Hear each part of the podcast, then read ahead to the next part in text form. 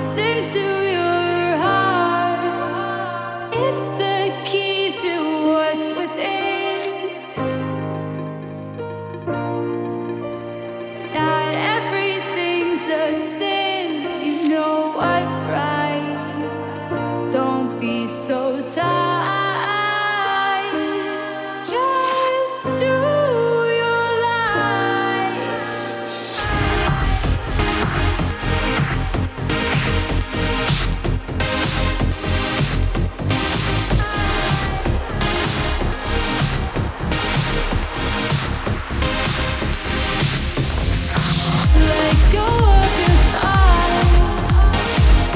Thoughts. Listen